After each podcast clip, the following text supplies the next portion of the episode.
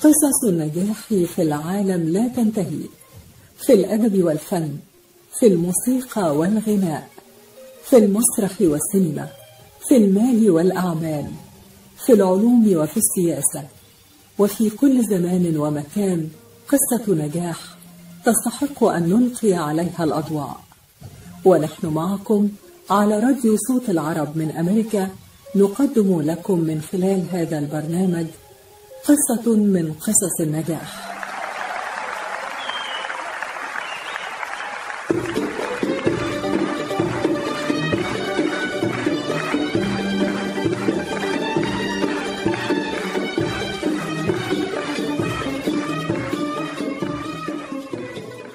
قصة نجاح.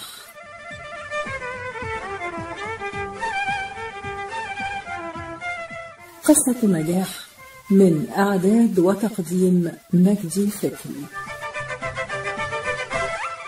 مستمعينا الأعزاء مستمعي إذاعة صوت العرب من أمريكا في الولايات المتحدة وفي كل مكان من العالم. أهلا بكم معنا في هذه القصة الجديدة من قصص النجاح.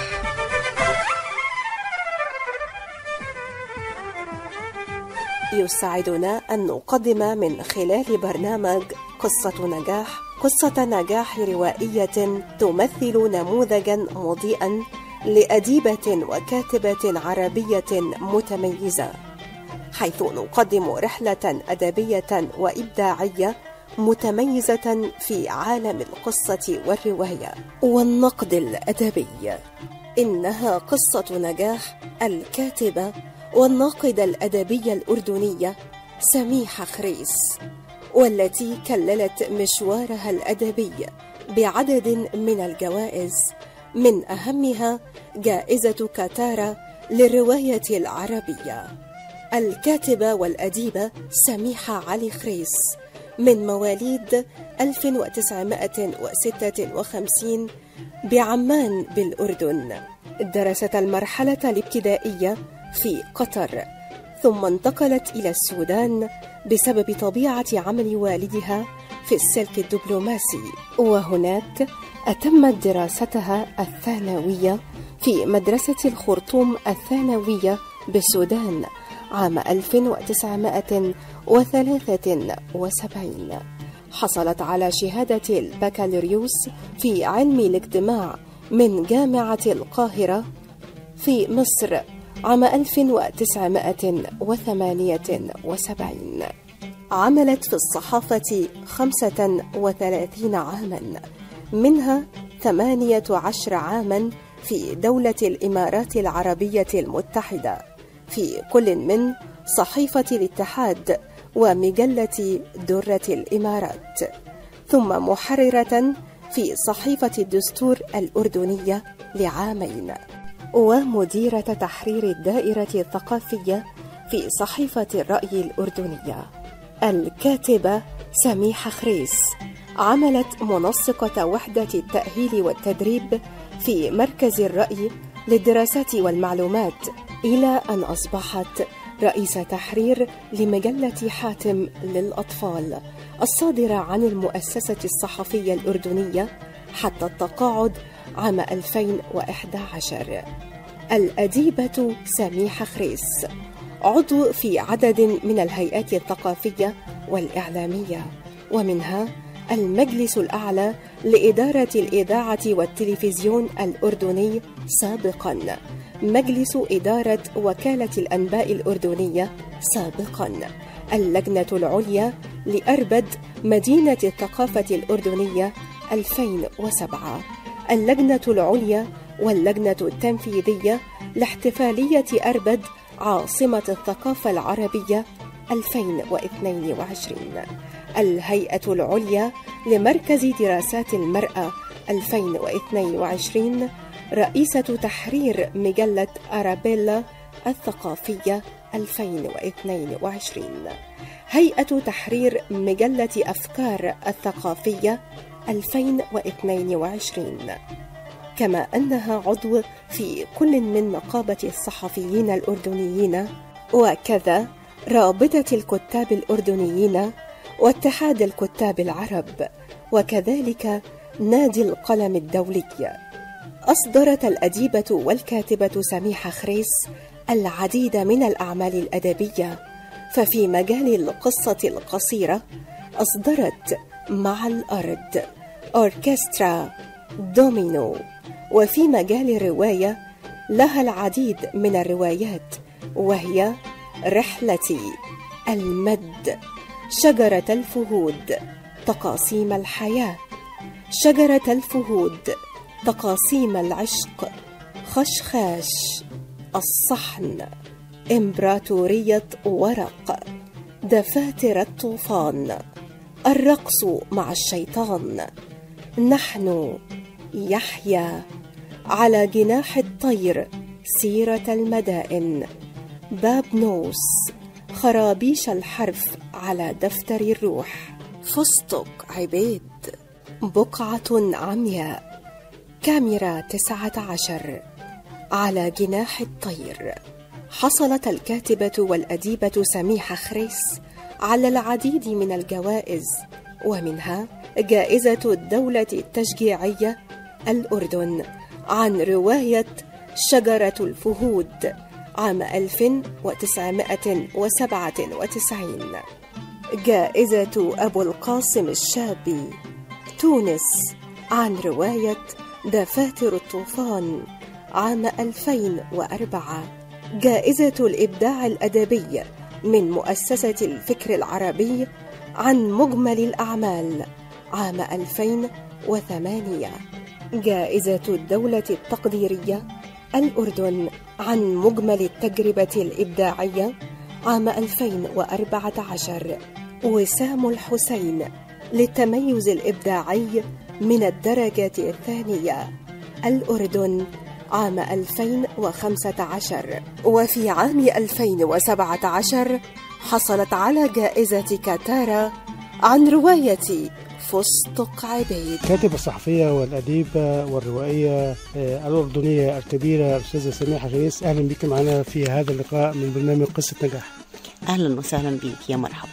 يعني في البداية طبعا أكيد مستمعينا يعني عايزين يعرفوا اسم خريس ده جاء منين. آه اسم خريس نسبة ل هو في جبل حقيقة في منطقة عسير اسمه خريس. يبدو إنه أيوه يبدو جذور العيلة جاءت منه ولكن استوطنوا في بلاد الشام. آه وخريس معناته جرة الماء جرة الماء الصغيرة. أو خريس والخرس كمان يعني هي ال... هذه أسماء لجرة الماء يعني. لكن طبعا اسم الاسم نفسه ليه جرس موسيقي سميحة خريس هو ليه جرس موسيقي. أهلا بحضرتك معانا ويعني عايزين نبدأ من البدايات بقى. بداياتك في الأردن بقى وفي عمان. والله يعني بقى عن بدايات الكتابة يعني هي بدأت من فترة مبكرة في الطفولة. آه وأغلبها كان الحقيقة برا عمان يعني أنا كنت دائما على سفر وكذا مع العائلة طفولتك كانت فين يا أستاذ سميحه؟ لأن أنا عرفت يعني أن حضرتك عشت في قطر وفي الإمارات وفي مصر وفي السودان، لكن الطفولة ال- الأولى كانت فين؟ الطفولة الأولى طبعا الأردن هي مسقط رأسي وعمان وعشت فيها يعني سبعة أعوام يعني لما بعد بعد ذلك بدأت مرحلة السفر يعني. لكن ليس هناك ذكريات طفوله باقية طبعا. لا طبعا موجود كيف؟ طبعا. حواري حواري الأردن يعني. أكيد طبعا أكيد موجود كلها يعني ويمكن ال- ال- الغربة خلتها أكثر ترسخ يعني في ذهني يعني. آه، كلما يعني ابتعدنا قليلا نرى أنه نتمسك إحنا بالصور ال- التي مرت علينا في طفولتنا. ف في في- يعني في ذهني طفو ذكريات عن الطفولة. في عمان في إربد اللي هي مدينة آه، والدي في السلط اللي هي مدينة أمي. آه، بعد ذلك آه، تشكلت آه، ذاكرة أخرى في الدوحة آه، بعدها ذاكرة في الخرطوم وهكذا يعني كلما انتقل المرء في مكان يعني. آه، هذه الانتقالات وال- والسفريات المتعددة ما بين الدوحة والقاهرة والخرطوم وأعتقد الامارات المتحدة كمان آه، شكلت وجدان سميع خريس وشكلت آه، يعني نظرتها للحياة بشكل أكبر. آه، يمكن ساعدتني على يعني آه، سعة المشهد اللي اللي بنظر له في من خلاله من خلاله إلى إلى الناس وإلى الأماكن إلى المدن آه، واختلافاتها ومتغيراتها. فلا شك إنه ال- الانتقال من مكان لآخر آه، يجعل هناك فرصة للاطلاع على آه، ثقافات مختلفة وإن كانت كلها تصب في الثقافة العربية ولكن هناك تفاصيل صغيرة مختلفة. نعم. وهذا يعني أظن أعتقد إنه ي- يثري المخيلة ويثري آه، النفس و ويوزع آه، خليني أقول يوزع آه، المشاعر بين بين ال... بين الناس والأماكن. آه، يصبح الإنسان أكثر انفتاحا وأكثر سعة يعني. يعني حضرتك عشتي في أكثر من دولة عربية وفي أكثر من بلد عربي. قبل أن ندخل إلى عالمك القصصي والروائي نريد أن نأخذ يعني لوحة أدبية جميلة كده عن حال المرأة العربية في الدول العربية منجزها أو إنجازاتها والتحديات التي تقابلها.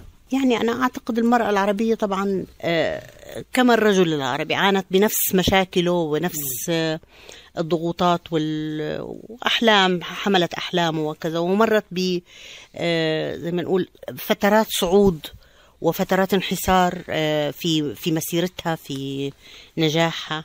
ولكن بالمجمل أنا أعتقد أنها أيضا حققت شيء جيد آه، لأنه انفتحت أمامها فرص التعليم وفرص العمل. وحتى يعني خليني أقول المطالبة بالحريات يعني آه، كان كان أمامها فرصة جيدة في تحسين بعض القوانين في بعض الدول العربية.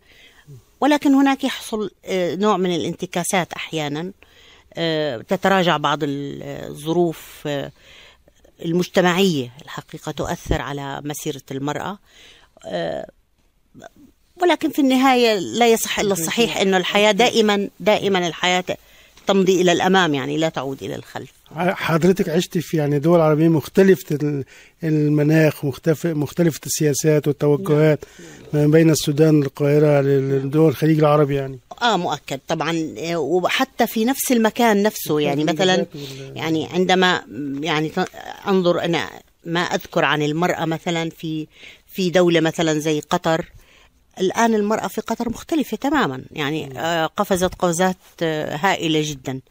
آه، المرأة في الأردن أيضا آه، يعني ذهبت إلى مدى جيد جدا يعني وأثبتت حضور وشيء ولو إنه في المجتمع الزراعي أنا أعتقد إنه يعني كان أيضا لها حضورها وال ودورها دورها الفاعل يعني. يمكن آه، كانت أعين أغلب ال- النساء العربيات على على ال- ال- النهضة اللي في مصر اللي هي قادت آه، ودفعت بمسيرة المرأة آه، بعيدا يعني. آه، نعم يعني وأنا أعتقد معظم الدول العربية حققت الآن هذا التوجهات. يعني آه نعم. آه، يبقى هناك زي ما قلت لك موضوع الانتكاسات اللي ممكن تحصل. بين فترة وفترة لمجتمع ما بسبب ظرف محدد يعني. آه هذا دائما المرأة يعني مش تتصالح معه وإنما آه يعني تقاومه تقاومه بطرق مختلفة ربما بال بطرق, بطرق أكثر آه، هدوءا وأكثر آه، سلمية يعني كما نقول. قصة نجاح.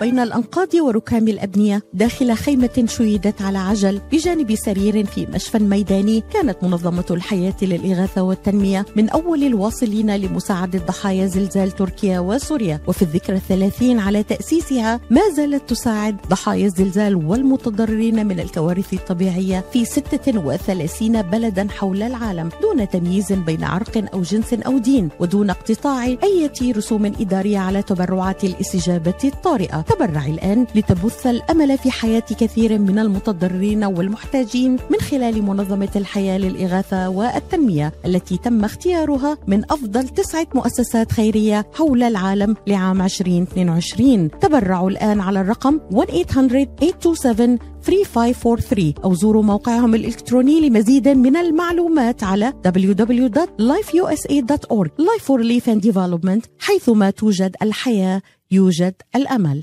تحس إنه إيديك عم تنمل أو كتفك عم يجمد أو أصابعك عم تورم وما عم تقدر تشتغل فيهم مثل ما بتريد؟ مرحبا أنا الدكتور عبد المجيد قطرنجي. زورونا بموقعنا الإلكتروني www.kachanjihandcenter.com لتتعرفوا على كيفية العلاجات لإصابات اليد والكتف والكوع. وإن شاء الله تقدروا تشاركونا بافتتاح مركزنا الجديد في تروي ميشيغان ونتمنى لكم العفو والعافية. للمواعيد زورونا في عيادتنا الواقعة على 1565 في مدينة تروي البناء F أو اتصلوا بنا على الرقم 248-869-4263 That's 248-869-4263 طالعة من بيت أبوها رايحة المطعم عشتار فاطمة سلم علي يمكن لحيله جوعان. قلت له يا حلوة خديني وبعشتار غديني. قلت له يا حلوة خديني وبعشتار عشيني. قالت لي روح يا مسكيني. عشتار the best انت طالعة من بيت أبوها رايحة المطعم عشتار عشتار مطعم أهل البيت والخطار. 3625 15 Mile Road في مدينة Sterling Heights هاتف 586-698-2585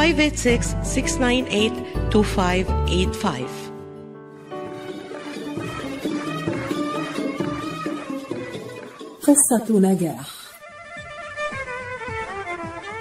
إذا سمحت لي الأديبة والكاتبة الأردنية الكبيرة سميحة خريس أن ندخل عالمك القصصي والروائي ونبدأ بالرواية اللي فازت بجائزة قطارة آه، رواية آه، فستق عبيد.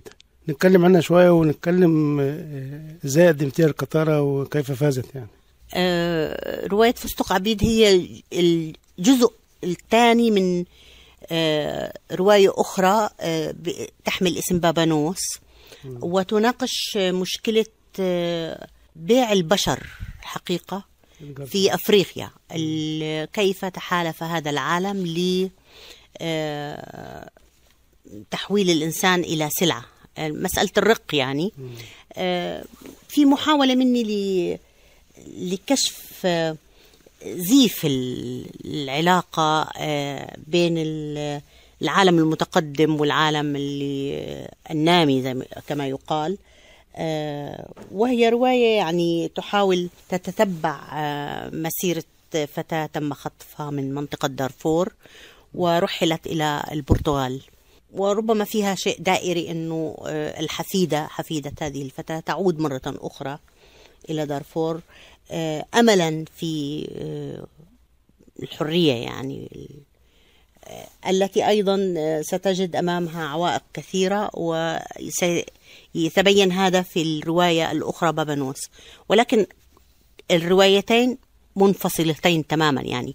ممكن شخص. آه، نعم ممكن شخص يقرأ هاي ويكتفي فيها وممكن شخص آه، إذا أراد الاستزادة أو النظر إلى المشروع بشكل عام آه، يقرأهم سوية يعني. لما تقدمت بالرواية لجائزة قطارة وهي جائزة الرواية العربية الأكثر شهرة في العالم توقعتي تكسبي هذه الجائزة؟ والله يعني آه، هو هو المسألة يعني آه، ما في كاتب بيتقدم لرواية إلا يعتقد إنه يعني آه، إنه هو كفؤ لل- للموضوع مؤكد بس دائما أنا يعني بضع في ذهني إنه كمان أيضا آه، هناك احتمالية إنه لا, لا تفوز هاي المسائل آه، تخضع أحيانا للتقييمات والتقييمات قد تختلف عن تقييمي الخاص لنفسي أو لمنجزي يعني آه، فبالتالي ما كنت أعول كثيرا يعني فازت أو لم تفز ولكن هكذا حصل الحمد لله ماذا أضافت جائزة قطارة للأديبة الكبيرة سميحة خريس؟ والله يعني أنا طبعا آه، مؤكد الإنسان بيكون ممتن من لأي طرف آه، يقدر عمله ويشكره سواء ب آه، بتكريم أو بجائزة أو هذا ولكن في النهاية أنا لا أتصور أنه هناك جائزة تضيف إلى كاتب. هناك كاتب يعطي أهمية لل- للجائزة أحيانا.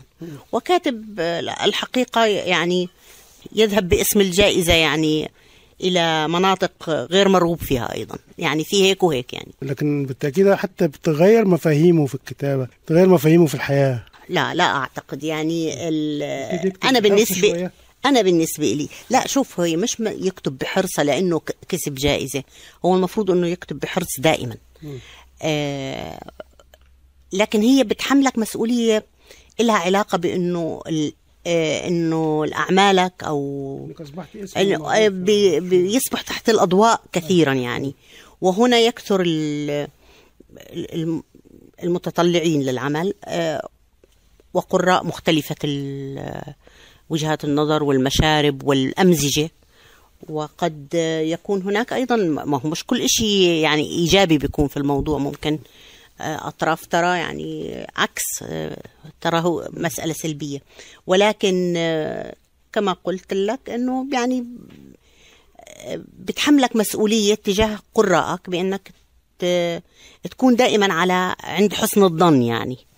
لكن هي لا تغير بمسألة أسلوبك أو مسألة حذرك لأنه يعني أنا من الناس اللي أعتقد أنه الإنسان لازم من الأصل يكون نما عنده أسلوب أو ع- نما عنده أدوات للكتابة أدوات. إبداعية مكتملة وقابلة أيضا للتطور يعني باستمرار و... وينظر إلى عمله بشكل جاد يعني. أستاذة سميحة يعني أيضا يستهويك التاريخ في أعمالك روائيه وقصصية دائما. يستهويك الكتابة عن التاريخ من خلال رواياتك. مظبوط كده؟ آه نعم صحيح. يعني ويمكن آه، التاريخ آه، يلفت انتباهي بأنه آه، أصلا لابد لكل كاتب أنه يهتم بقراءة التاريخ بداية أو بمعرفته أو بتحليله والتفكير فيه. آه، لأنه الحاضر امتداد له والمستقبل امتداد له يعني هذا جانب. لكن عندما يكتب فيه يجب أن يكون لديه أيضا القدرة على التمييز بين أنه هو كاتب روائي يكتب بفن وليس مؤرخا يكتب آه، دي وثيقة. شعرة. بقى نعم هي هي. شعرة رفيعة. آه، إذا إذا أفلتت من يد الروائي وتصبح الكتابة جافة يعني أيوة. آه، تخرج من من طور الفن إلى طور التوثيق. آه، لكن أنا مغرمة بالتاريخ حقيقة يعني أحبه على كل المستويات أحب أن أقرأ فيه أعرف المزيد عما يحدث وأكون يعني آه، نظرتي الخاصة حول أحداثه وشخوصه أستاذة سميحة حضرتك تناولت تاريخ الأردن آه، الأردن الجميلة الحبيبة يعني في أكثر من عمل روائي آه، إيه اللي استهواكي في كتابة تاريخ الأردن؟ هو بداية آه، هو التاريخ الأقرب إلى إلى نفسي هو تاريخ آه، أصولي وأج- وأجدادي.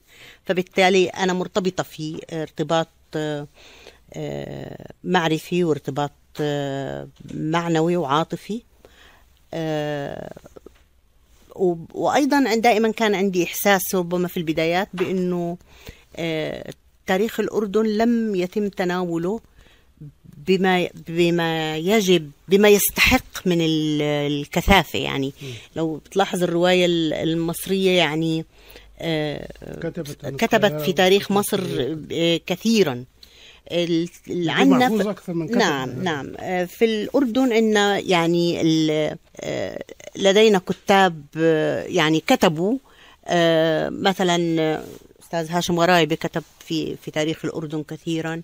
آه، في آه، غالب هلسة طبعا آه، عنده جزء يعني يتناول في جزء من تاريخ الأردن.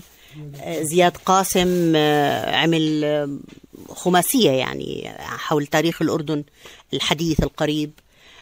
فهناك هناك من اهتم وأنا أعتقد إنه أنا بنت هاي المرحلة. يعني إحنا كلياتنا تقريبا في جيل واحد اللي تنبهنا إلى هذا النقص في المكتبة الروائية الأردنية وقمنا إلى وذهبنا إلى استكماله. آه، يمكن من أهم الروايات أيضا اللي تناولت تاريخ الأردن آه، بالنسبة للأديبة سميحة خريس هي رواية دفاتر الطوفان وكانت رواية مهمة جدا في مسيرتك الروائية. آه، دفاتر الطوفان هي يعني يمكن أهميتها تنبع كمان من أسلوبها ومن مرحلة معينة أردت أن أكتب عنها يعني و وفيها شيء من ال- الحنين والملامة على أنه في مشاريع كان لازم تقوم وتنقذ حتى ال- ال- المدينة من العطش مثلا ولكنها لم تقوم.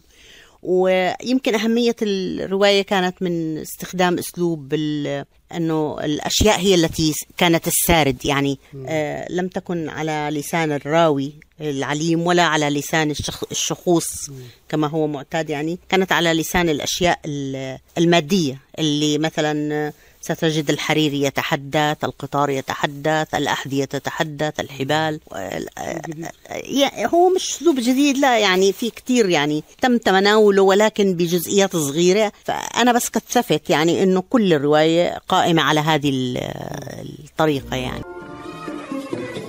قصة نجاح. حكيم عيونها فهم في العين وأفهم كمان في ومن بمثل خبرة الدكتور عماد نقاش أستاذ الطب وجراحة العيون في جامعة وين. خبرة طويلة في التعامل مع أمراض العيون وجراحتها عمليات تعديل وتصفية النظر إزالة الماء الأبيض والأسود الجلوكوما وتصحيح النظر من أثار مرض السكر. كادر متخصص ومتدرب لخدمتكم. شعبة متخصصة للنظارات الطبية والهندسة اللاصقة. يقبلون معظم أنواع التأمين الصحي زورهم في عيادتهم الواقعة على جنار والناين مايل في مدينة هيزل بارك للمواعيد اتصلوا على 248 336 3937 248 336 3937 أو عيادتهم في راجستر هولس للمعلومات اتصلوا على 248 299 3937 248 299 3937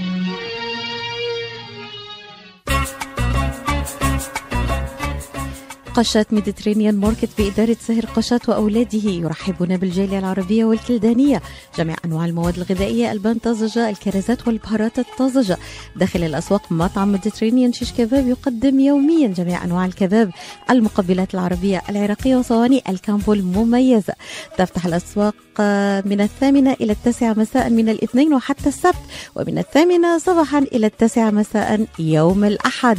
تقع الأسواق على 32839 Northwestern Highway في مدينة Farmington Hills لحوم حلال للجالية الإسلامية لطلباتكم من المطعم call 248-538-7855 that is 248-538-7855 قشة Mediterranean Market خدمة متميزة ومعاملة راقية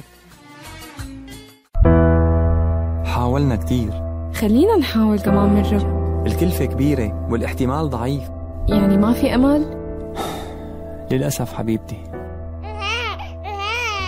هنالك أمل لدى مركز إخصاب IVF ميشيغان الذي صنف من بين أفضل خمسين عيادة إخصاب في أمريكا وفق مجلة نيوزويك لعام 2023 ويعتبر الدكتور نيكولاس شما مؤسس مراكز IVF ميشيغان وأوهايو من أهم أخصائيي العقم في أمريكا. حيث أجرى أكثر من عشرين ألف عملية طفل أنبوب ناجحة حققت حلم الأبوة لكثير من الآباء والأمهات.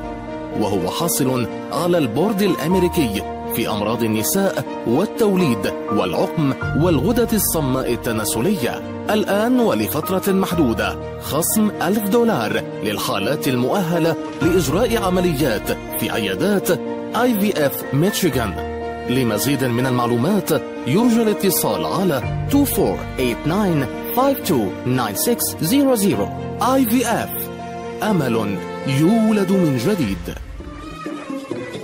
قصة نجاح. الكاتبة والأديبة الأردنية الكبيرة سميحة خريس يعني حضرتك بدأتي كانت بدايتك مع القصة القصيرة وأصدرت أول مجموعة قصصية آه، بعنوان مع الأرض. نعم. ثم اتجهت للرواية نعم. ليه بقى يعني كده التحول ده؟ لا هو مش تحول هو بس لأنه أنا بدأت مجموعتي مع الأرض يعني في سن مبكر كانت. آه، كأني كنت أنا أبحث عن ال- الأسلوب أو النوع الإبداعي الأكثر تناسبا مع إمكانياتي الخاصة أنا يعني. كان فيها تمس مع التاريخ مع لا. فيها كان فيها رغم انها قصه قصيرة كان فيها تماس مع التاريخ. وفيها تماس مع ال- القضية اللي شاغلة الناس كلها قضية فلسطين طبعا. ويعني وكان فيها كثير من الرومانسية اللي تمثلها ال- العمر اللي انكتب فيه هذه هذا العمل. آه، لكن آه، يعني أنا وجدت إنه حقيقة اللي اللي أكثر اقترابا من أسلوبي ومن نفسي أنا هي الرواية نعم. يعني جابر عاشور قال إن الزمن ده زمن الرواية كان يعني. إيه والله أنا أنا يعني أخذت هذا زي ما نقول التوجه أو القرار حتى قبل أن أقرأ إنه جابر عصفور قال هيك. لأنه آه، هو يناسبني هذا الشيء. تعرف آه، الرواية عندها آه، كمية من المحمول ال- التفاصيل وأنا مولعة بهذا الشيء في العمل. القصة القصيرة لا تحتمل كثيرا. يعني آه، القصة القصيرة مركزة. نعم. يمكن الأديبة الكبيرة سميحة خريس يمكن من أهم الروايات اللي حضرتك أيضا أصدرتيها روايات آه، شجرة الفهود تقاسيم الحياة ثم تقاسيم العشق. نعم. آه، هي هاي الرواية يعني فيها شيء آه، من تتبع لتاريخ الأردن وتحول المجتمع من مجتمع يعني زراعي أو ريفي بنقدر نقول إلى مجتمع مدني بكل شروط يعني دخول التعليم دخول الجامعات العمل كيف كيف اختلف تركيب العائلة كيف اختلف مشهد المدينة وعمرانها كيف اختلف.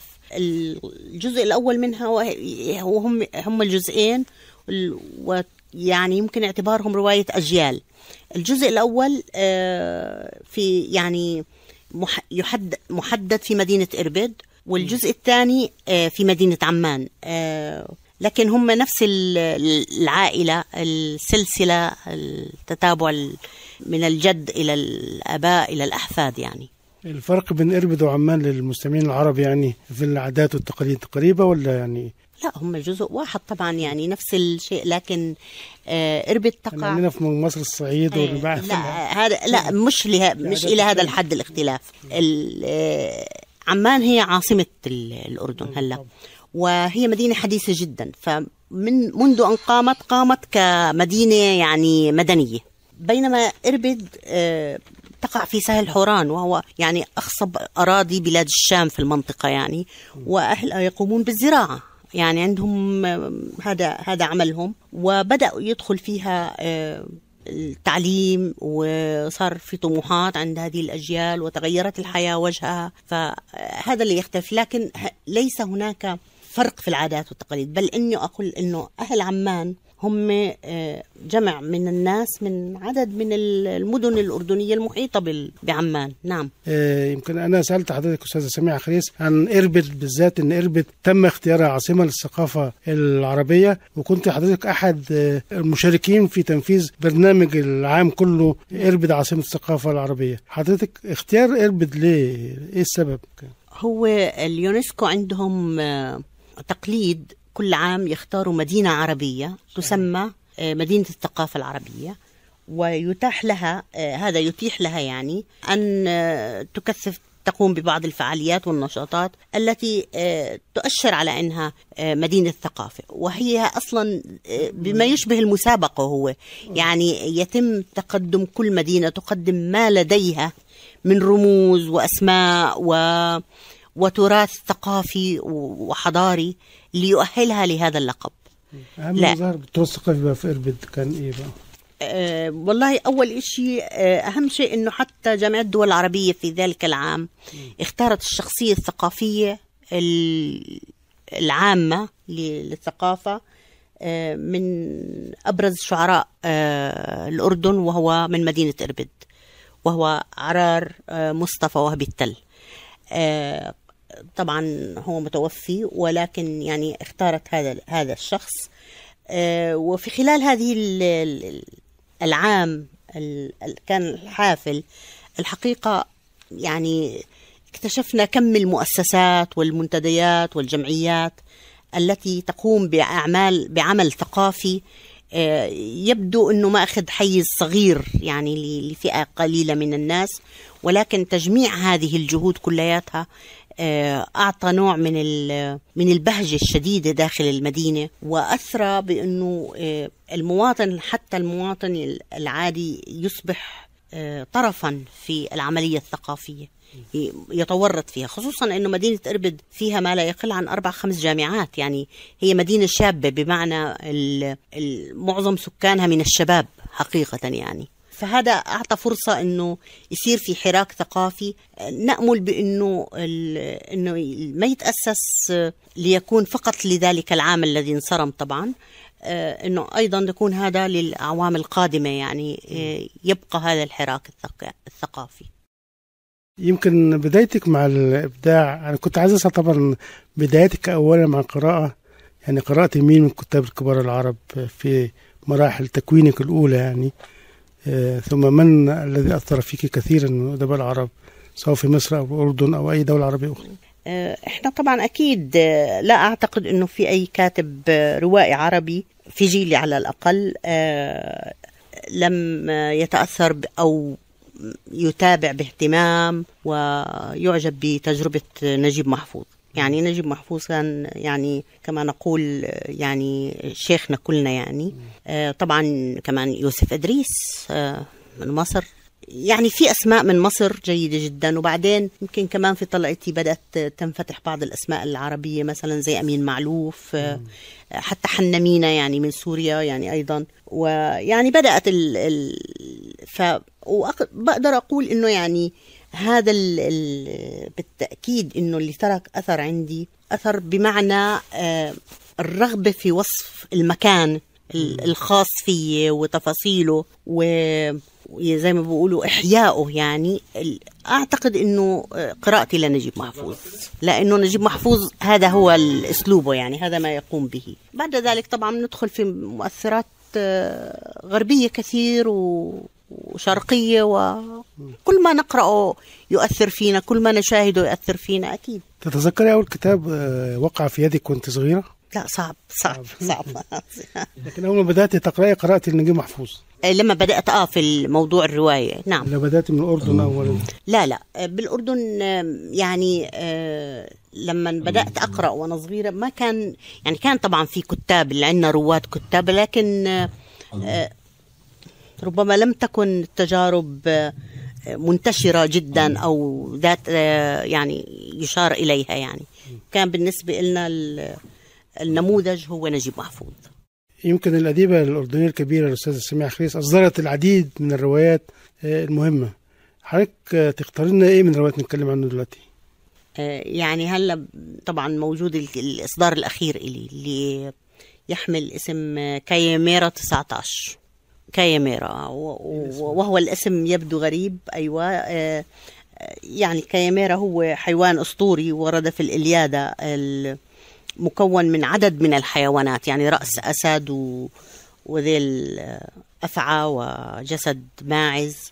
وقد استخدموا ال- التعبير علماء ال- الجينات في وصف حالة أو ظاهرة من اختلاط الجينات عند بعض البشر. يعني في بشر عندهم هذا الاختلاط فسموا هذه الظاهرة التي تكون عند بعض الأشخاص بكاياميرا آه، أنا استغليت الطرحين الطرحين الطرح الأسطوري والطرح ال- العلمي ال- الحديث آه، في تشكيل شخصية.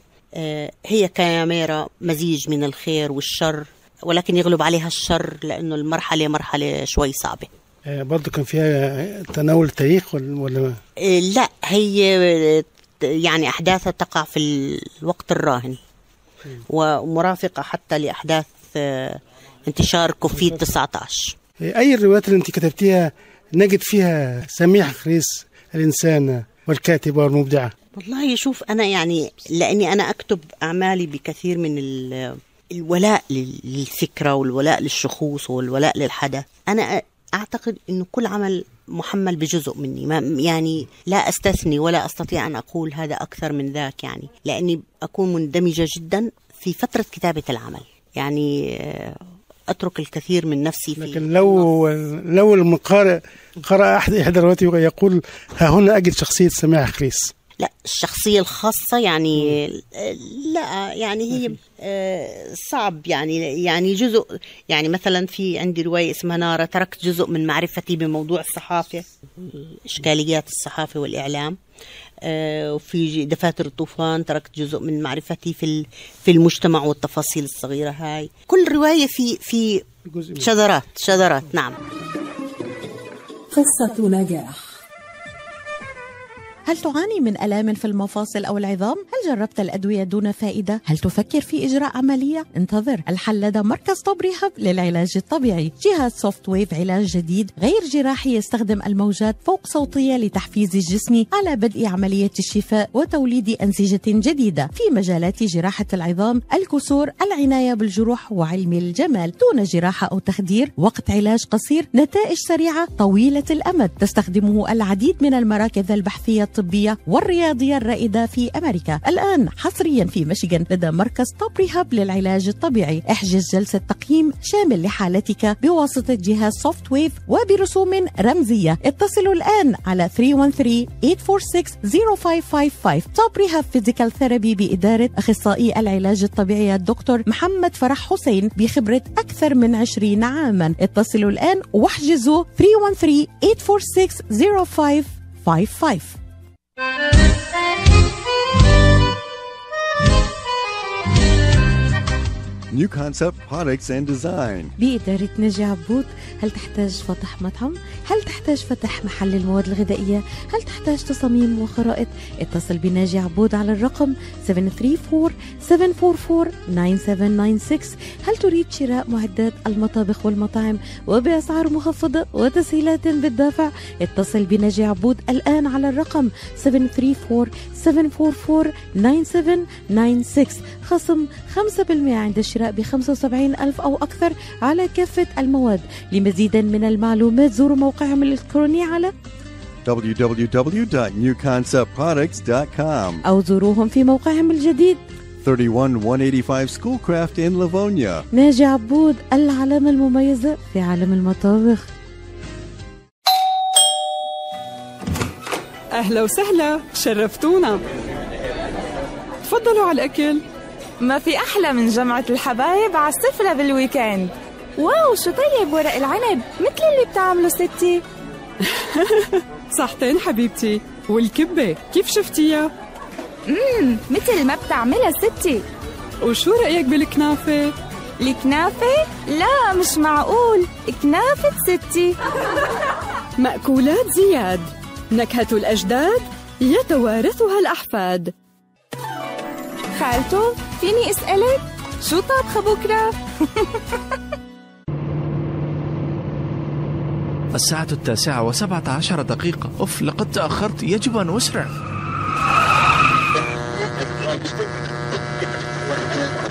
هل تعلم أنه مع تجاوز السرعة المحددة تزداد مخاطر الاصطدام وربما تحصل على مخالفة باهظة التكلفة أيضا؟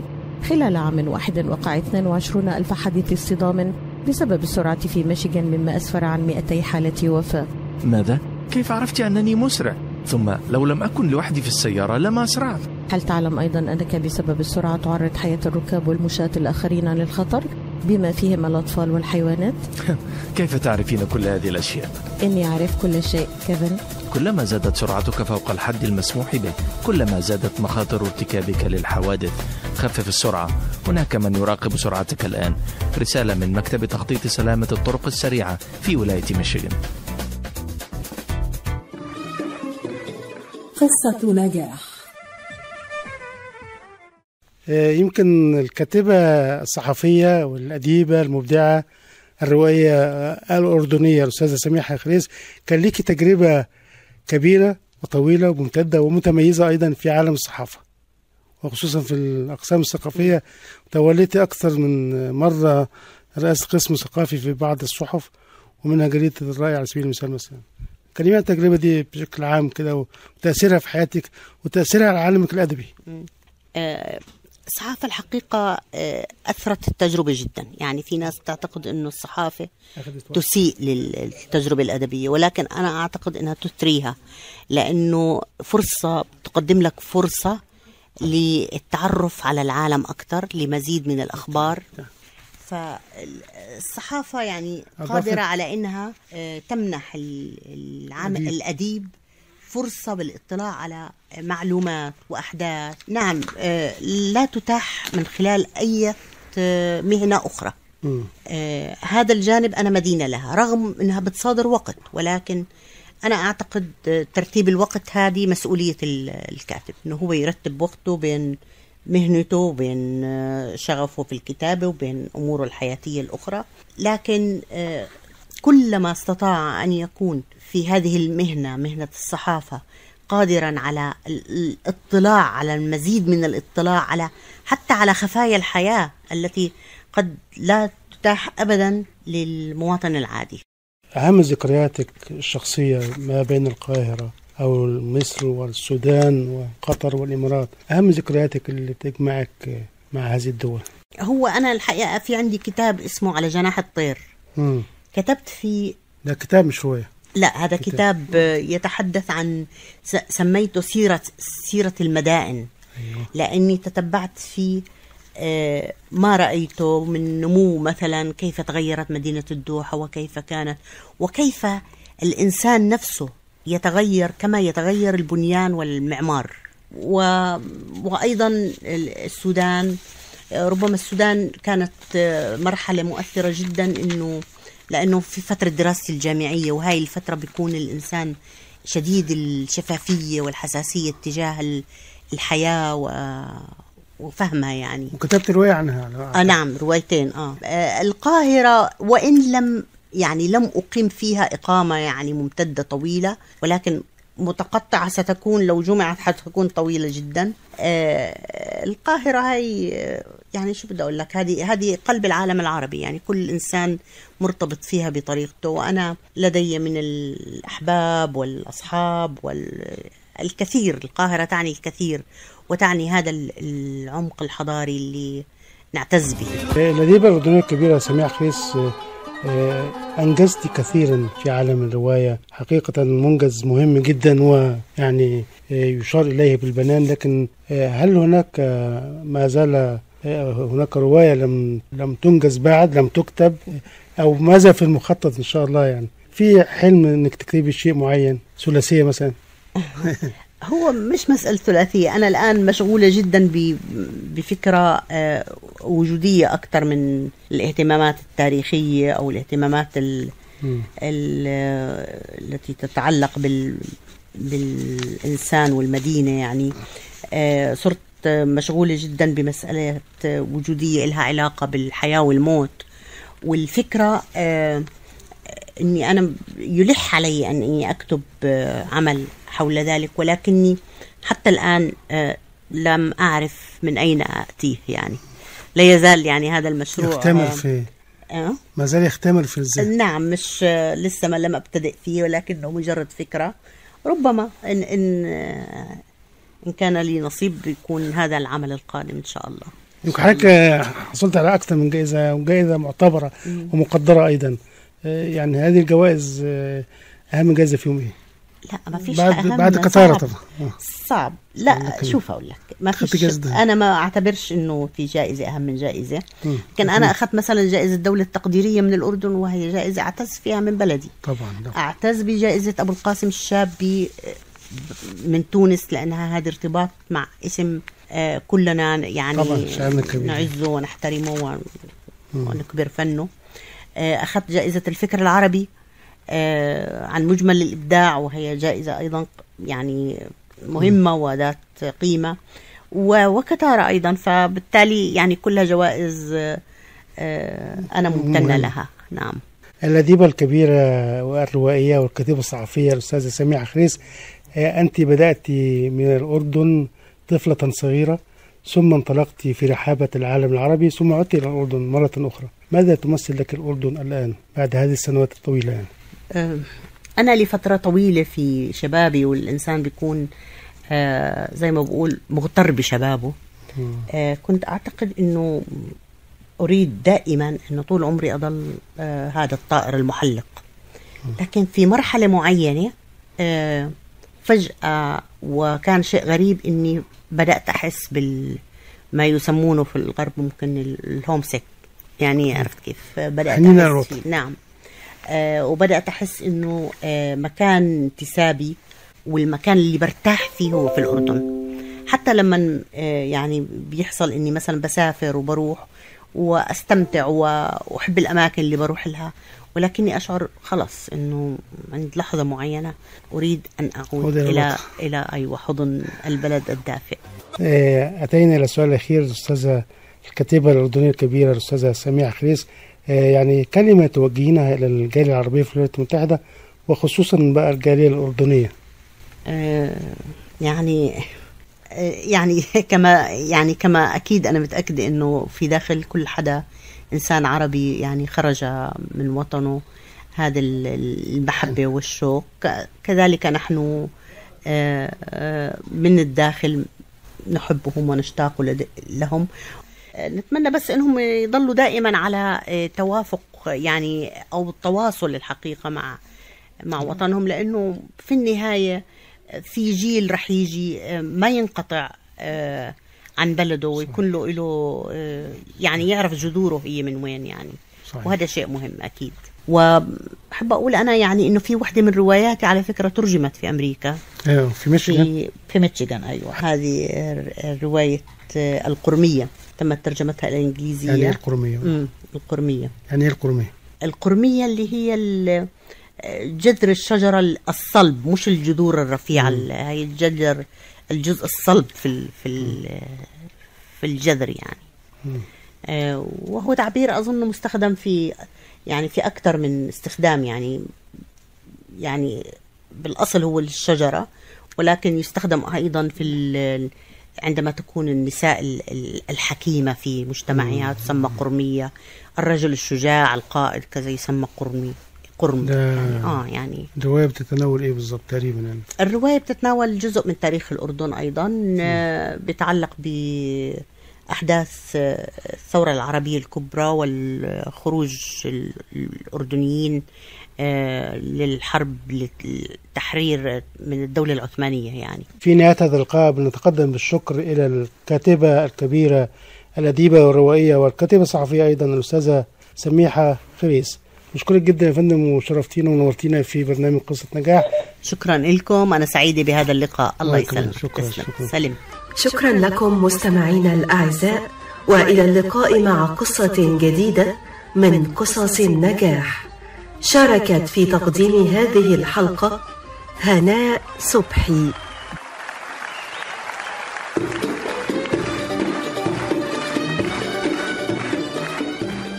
قصة نجاح.